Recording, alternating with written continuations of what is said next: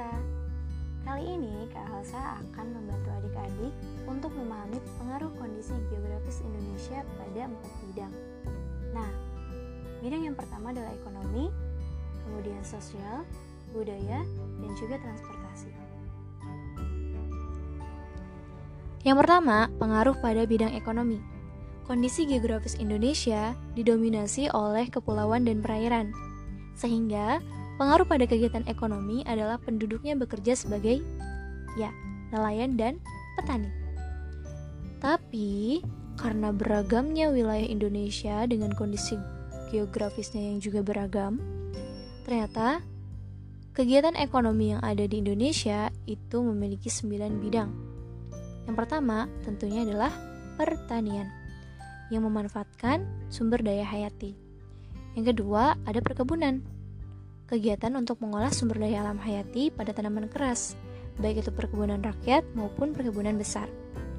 Nah, perkebunan rakyat ini diolah secara mandiri oleh rakyat, namun perkebunan besar diolah oleh pemerintah untuk mendapatkan keuntungan yang bisa memberi devisa pada negara.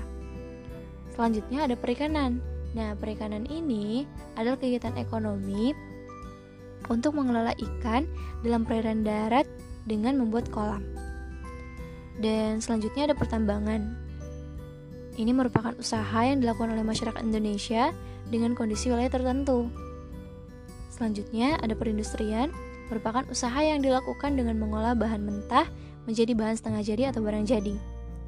Dan selanjutnya ada perdagangan, merupakan usaha yang dilakukan untuk mendapatkan barang atau menyalurkan barang dari hasil pertanian, perkebunan, perikanan, perindustrian, peternakan, dan juga kehutanan.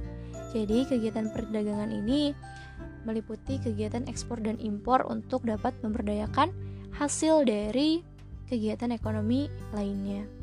Selanjutnya ada kehutanan, ini merupakan usaha untuk melakukan pencegahan terhadap penggundulan hutan dengan melakukan regulasi dan juga permajaan hutan. Selanjutnya ada peternakan, merupakan usaha yang dilakukan untuk memelihara hewan peliharaan untuk mengambil manfaatnya. Dan yang terakhir, ada juga kegiatan ekonomi yang menawarkan jasa. Nah, selanjutnya ada pengaruh kondisi geografis pada bidang sosial.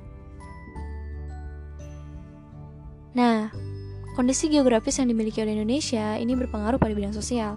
Seperti halnya, pekerjaan yang lebih banyak dipilih oleh warga Indonesia awalnya adalah menjadi petani. Namun, karena pembangunan terus berkembang di daerah pedesaan, terjadilah perpindahan pekerjaan dari para petani menjadi para pedagang dan mendorong terjadinya urbanisasi besar-besaran. Sehingga hal ini yang membuat pertumbuhan penduduk tidak merata. Selanjutnya pengaruh di bidang budaya. Karena beragamnya wilayah-wilayah Indonesia membuat Indonesia memiliki keragaman budaya dengan banyaknya suku bangsa, adat, budaya, dan juga agama. Nah, selain itu, kondisi geografis Indonesia yang sangat indah dan menawan membuat para turis asing sangat senang sekali ketika berkunjung ke Indonesia.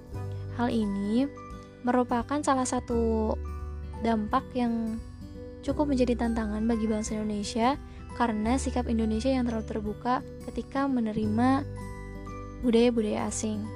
Karena terjadinya akulturasi, sehingga nilai-nilai yang khas menjadi ciri bangsa Indonesia mulai luntur.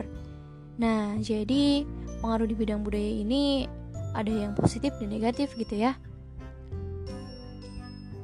Seperti halnya nilai gotong royong yang menjadi budaya untuk dapat menyelesaikan sebuah pekerjaan. Namun, hari ini sudah mulai bergerak secara mandiri dalam menuntaskan berbagai pekerjaan.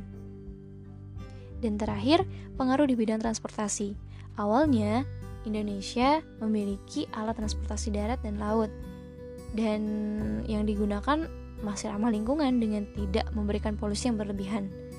Namun, seiring perkembangan teknologi, banyak sarana transportasi yang semakin canggih dan tersedianya transportasi jalur udara, seperti sepeda motor, mobil, kapal, dan pesawat. Nah, adik-adik, itu yang bisa kakak sampaikan. Sampai jumpa, semoga bermanfaat.